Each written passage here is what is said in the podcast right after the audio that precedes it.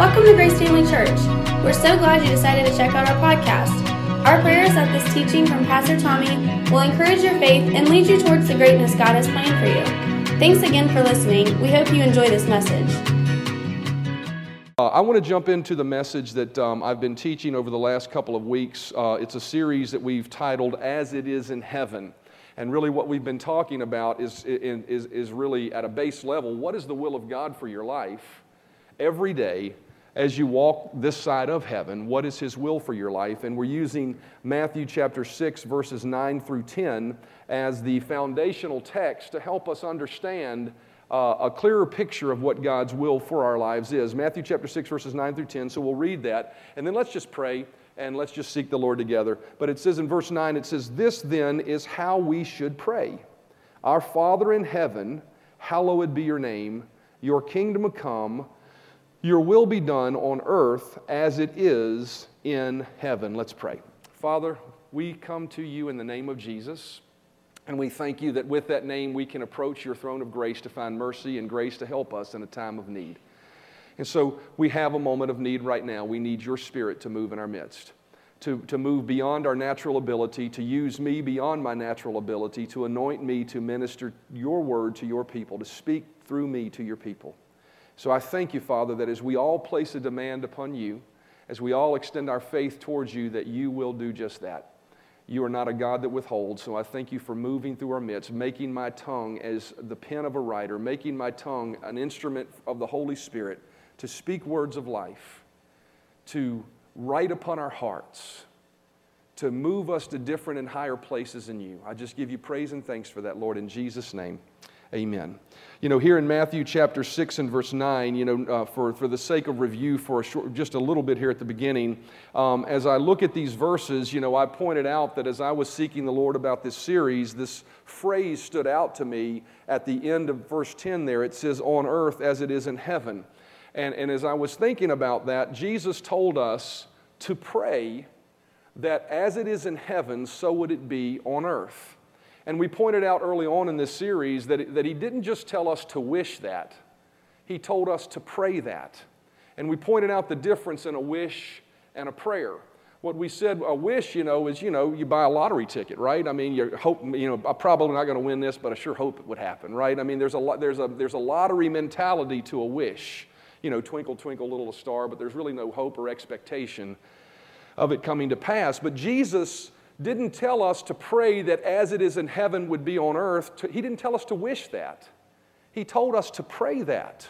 And we, we pointed out the definition of that word prayer is to interact with the Lord in a manner in which He imparts faith, divine persuasion, and confidence that the object of the desire has been received.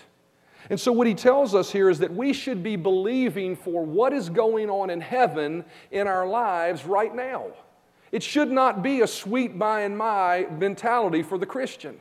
You know, we've got songs like that, and, and, certainly when we get to heaven, there will be a greater realization of what's going on in heaven than what we could ever experience down here. But what Jesus did tell us to pray was to believe that in our lives we would have as much of that as we possibly can while we're down here as we possibly, and when I say possibly can, what I mean is we, we can possibly believe for. How many of you realize God is not withholding heaven from you? It's a matter of how big your capacity on the inside of you is to believe for what is going on in heaven can be yours right now. So he told us to believe and to really expect that. And so, what we've been doing is we've been looking at heaven, the picture of heaven, and what's going on there now, and saying, okay, if that's going on in heaven, then this should be expected and experienced in my life. And a couple of things we've pointed out already. We said, number one, we should be experiencing and manifesting the atmosphere of heaven. You know, we pointed out that in heaven, there's no doom and gloom, there's no fear and dread. There's no worry and strife and hatred. There's none of that stuff. In heaven, there is great joy and excitement in heaven. How many of you realize heaven's going to be a fun place? Amen. How many of you realize heaven's not just going to be sitting around on a cloud watching a bunch of babies with wings play harps? How many of you realize that? Heaven is going to be a place. I mean, Jesus said that he's, he's coming back one day to take us to an actual party. How many of you realize the marriage supper of the Lamb is going to be a party? Amen. Go be a good party. How many of you like going to parties? How many of you like hanging out with people that you like? How many realize everybody there you're going to like? There's not going to be anybody at the party that you look at and say, well, I wish they hadn't showed up. It's going to be a fun time. Heaven is full of, you know, happiness. There's no doom and gloom. So we should be believing and, and experiencing and choosing, making choices that I'm going to display that atmosphere in my life today. I'm not going to be a spiritual Eeyore. How many of you know what I mean by spiritual Eeyore? How many of you know who Eeyore is? You know, he's the donkey in uh, Winnie the Pooh, right? The sad one. I'm not going to be a spiritual Eeyore. I'm going to be somebody that walks around that has joy and happiness. And when that tries to get on me, I'm going to say, No, I'm not putting that on because that's not the atmosphere of heaven and that's not what I carry around on the inside of me. Amen? Amen. And then the other thing we pointed out was this we po- pointed out not only should we have, you know, uh, the atmosphere of heaven in our life, but we should have the confidence of heaven. And we pointed out this that, that nobody in heaven is sweating the ele- their electric bill. Nobody's worried about, you know, what tomorrow holds. Why? Because the provider of all that's in heaven is going to take care of it, right?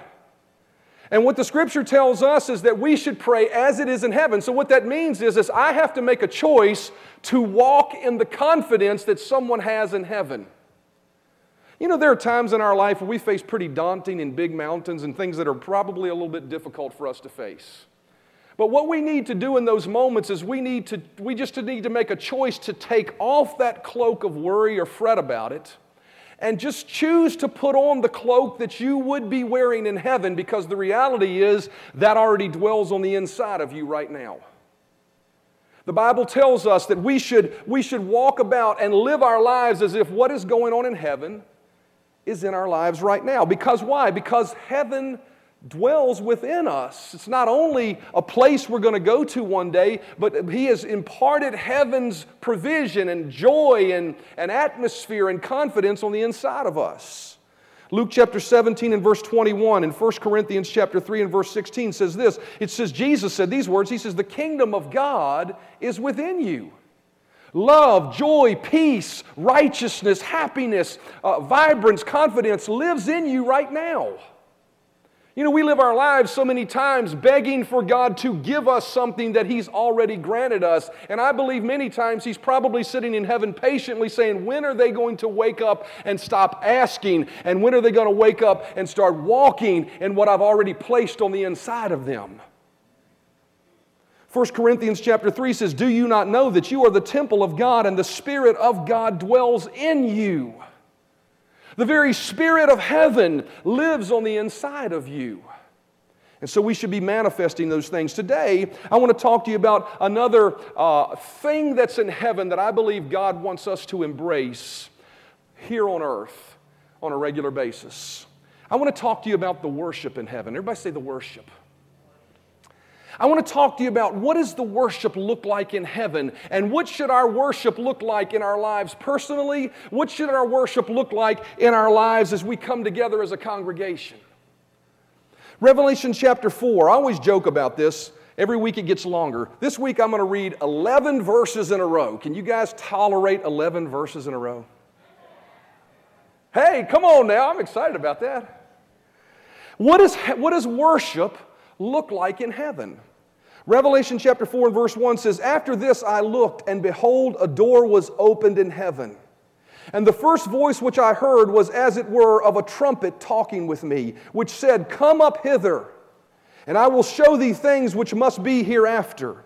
And immediately I was in the Spirit, and behold, a throne was set in heaven, and one sat on the throne.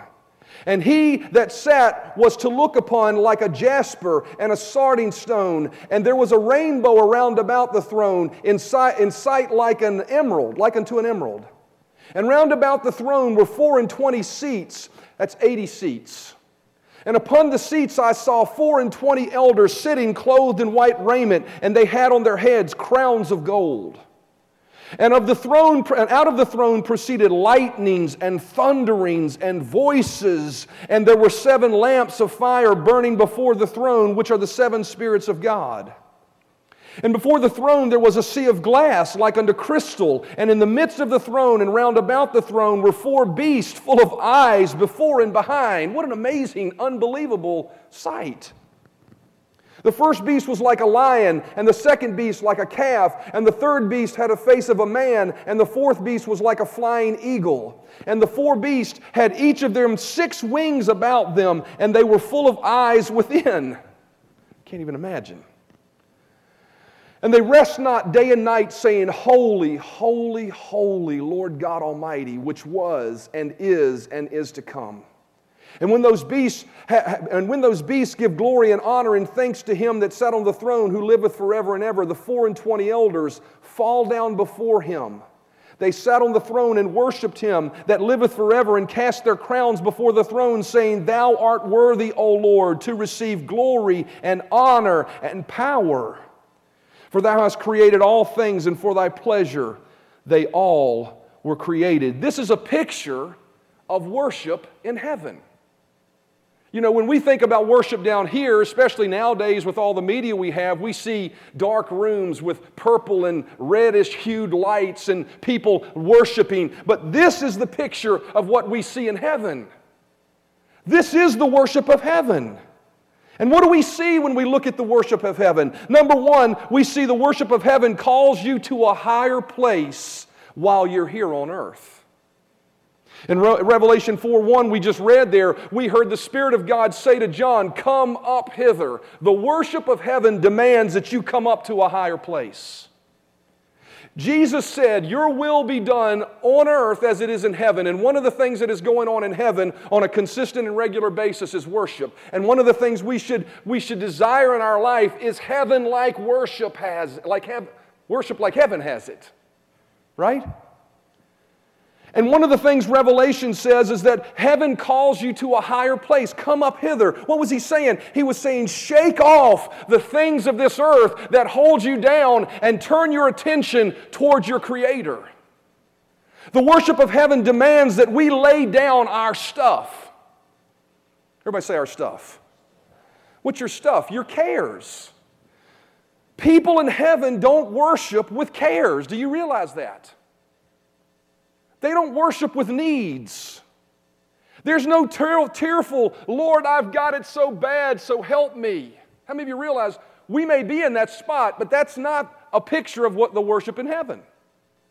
So, what that tells me is there's a higher level of worship that God wants us to attain to. I believe as we were worshiping this morning, I almost sensed the Spirit of God saying, I want to take this body of believers to a higher place of worship.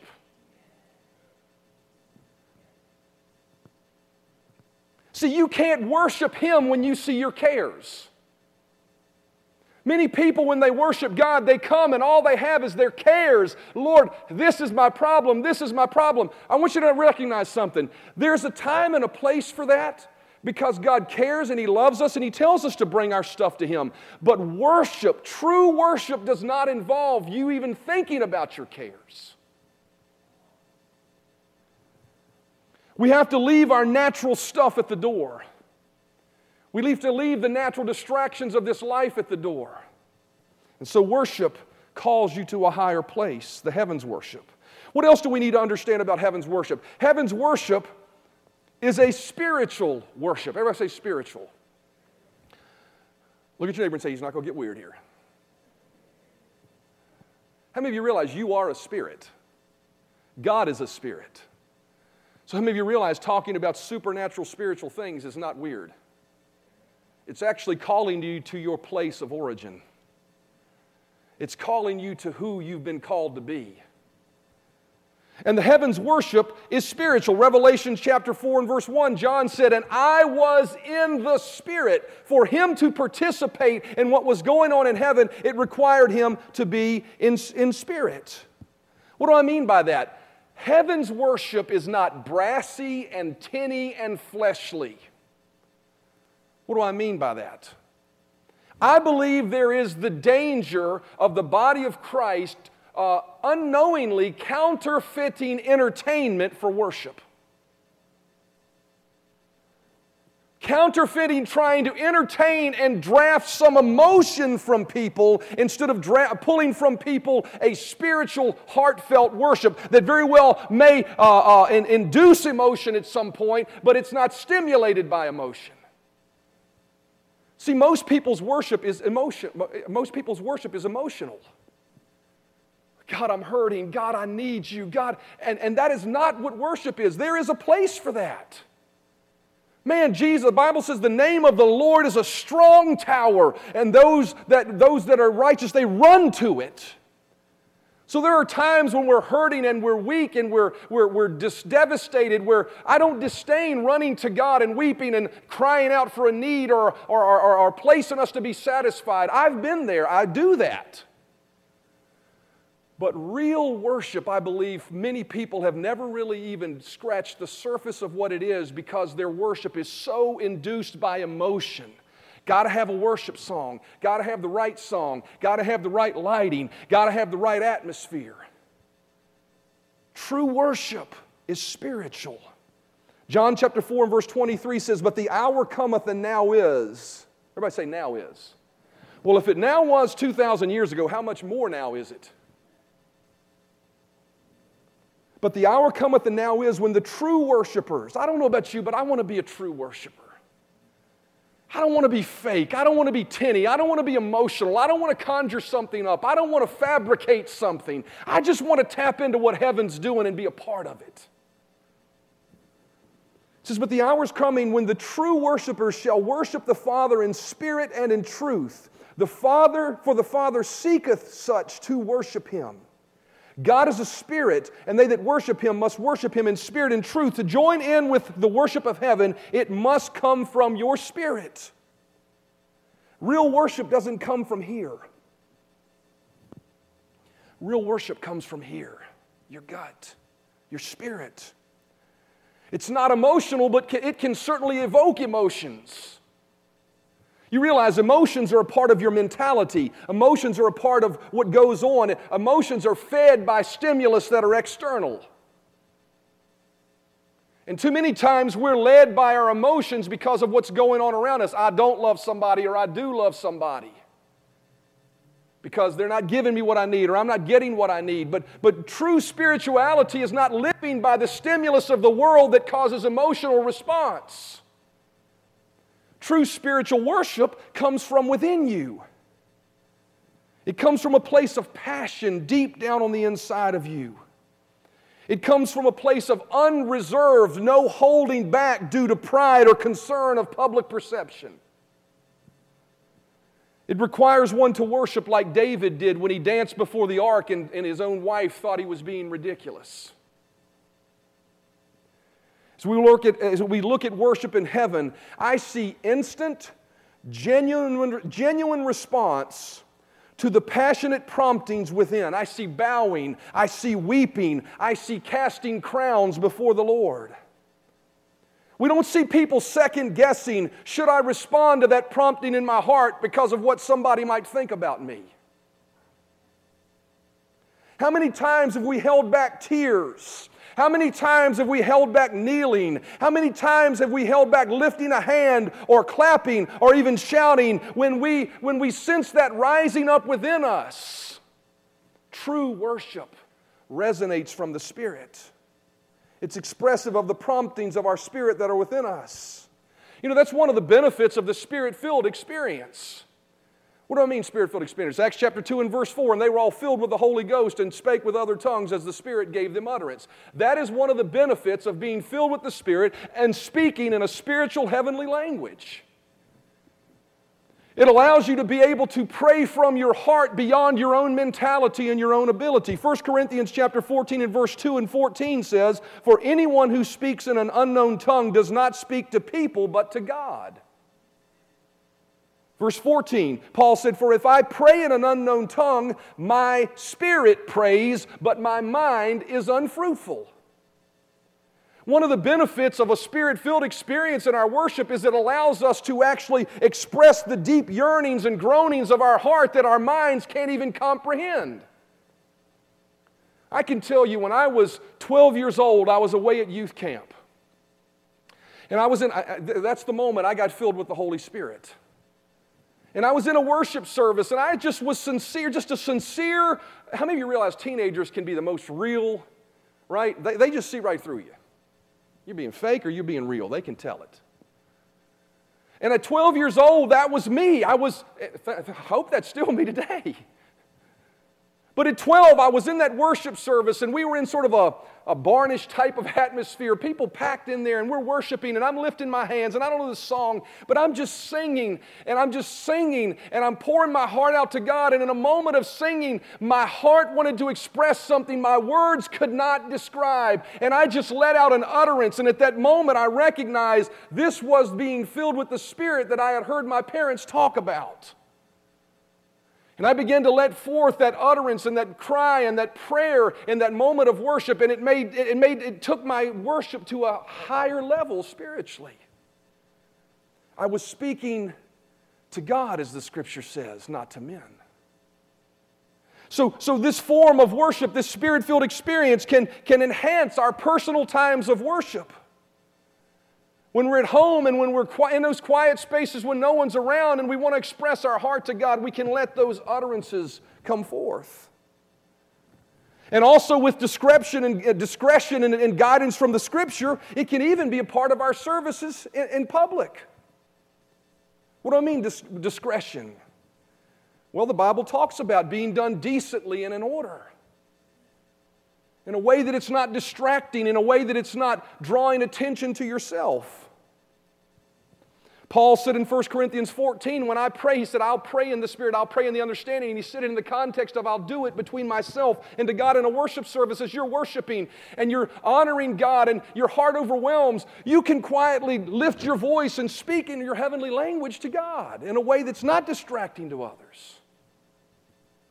And then, if in a moment of, uh, uh, of time where that comes and, and it, it's drawn attention to, then the scripture tells us in that moment it just needs to be an interpretation or an explanation of it. I can tell you there have been times in services where I've worshiped and, and all of a sudden my heart just wells up within me and I begin to speak in a heavenly language. And, and, and, and it's not necessarily me interpreting what I said, but at the conclusion of that, I'll just explain to people what that was. I'll say, you know, that's just a personal prayer language that God gave me and He can give to anyone that's willing to receive it to enhance their worship experience and to truly worship from the Spirit. I believe that as we close this service, if, if, if, if, in a moment of your heart being open fully to God, you're worshiping Him, you don't need anyone to pray for you. I didn't when I was 12 and I was too ignorant to even understand. I mean, I just did it. It just happened. God supernaturally filled me with the Spirit. I believe in our worship at the end of this service. If that's you, if you sense a prompting in your heart that I just want to express my heart to God beyond my ability because I love Him so much, that as you give place to what's uttering up from the inside of you, you can experience that today. What's another characteristic of heaven's worship? Heaven's worship produces an overwhelming sense of the greatness and holiness of God. Revelation chapter 4 and verse 8, it says that those four beasts cried, Holy, holy, holy is the Lord God Almighty. That word holy is a word that acknowledges the absolute purity and goodness of God. Do you recognize that the God we're worshiping is absolutely pure? No sin, no guile, no deception, no misleading, only goodness and benevolence is in Him. That means that when we worship, there's an acknowledgement of, my God, I'm standing before the most pure being ever to exist. That purely loves me more purely than anybody ever could. Not only that, but it says they say the Lord God Almighty. That word Almighty is really what it means. It means He's Almighty. We're acknowledging that He is the greatest in the creation and universe. Heaven's worship envelops this sense of the awesome purity and power and presence of God. What else do we need to know, know, about heaven's worship? Heaven's worship produces a spirit of humble contriteness and yieldedness. Revelation chapter 4, verse 10 and 11, let's read those again. It says, The four and twenty elders fall down before him. I think about that for a moment. We read that, but think about that for a moment. The sheer presence of standing in his presence caused these individuals to spontaneously fall before him. They fell down before him that sat on the throne and worshiped him that liveth forever and ever and cast their crowns before the throne, saying, You are worthy, O Lord, to receive glory and honor and power, for thou hast created all things, and for thy pleasure they were all created. When people in heaven look on the, their Creator and their Savior, their Father and their God, it causes them to be humbled before Him to the point that they're yielded and contrite before Him. Worship has with it this great sense of humility. Psalm 29, verses 1 through 2 says, Ascribe to the Lord glory and strength. Ascribe to the Lord the glory due his name. Worship the Lord in the splendor of holiness. See, true heaven's worship brings us back to ourselves, so to speak, and it causes us to recognize who we are in light of Him. It causes us to humble ourselves. It causes us to lay aside our arrogance and pride that we walk in this life with, that causes us to think that we could be anything outside of Him. It brings us back to a place of humility. As the musicians come, what is the final thing we want to recognize about heaven's worship?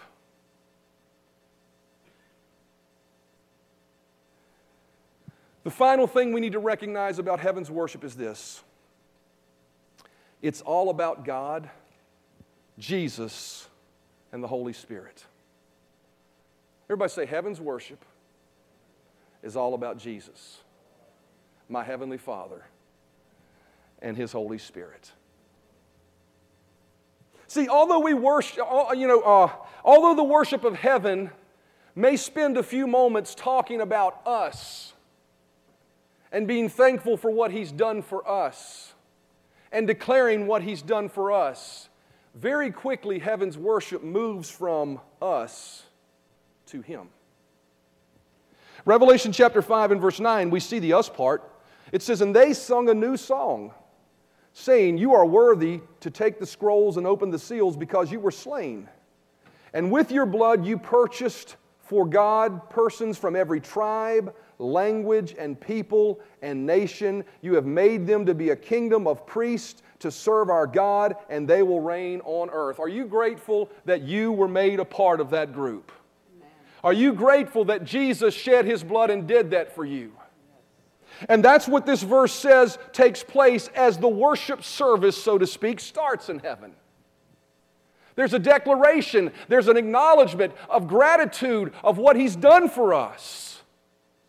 But I will tell you something that most people's worship, that's where worship sets. And I'll let you know something that is actually not worship at all.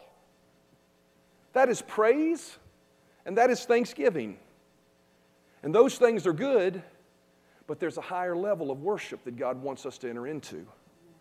See, Psalm 100 and verse 4 says, Enter his gates with thanksgiving and his courts with praise. Give thanks to him and praise his name. So when we come in to a place of worship, whether it's in our private time or whether it's here, we come in thanking him for what he is, thanking him for what he's done. But I got to tell you, all of that is focused on what? The end result is us looking at ourselves and seeing what he's done for us.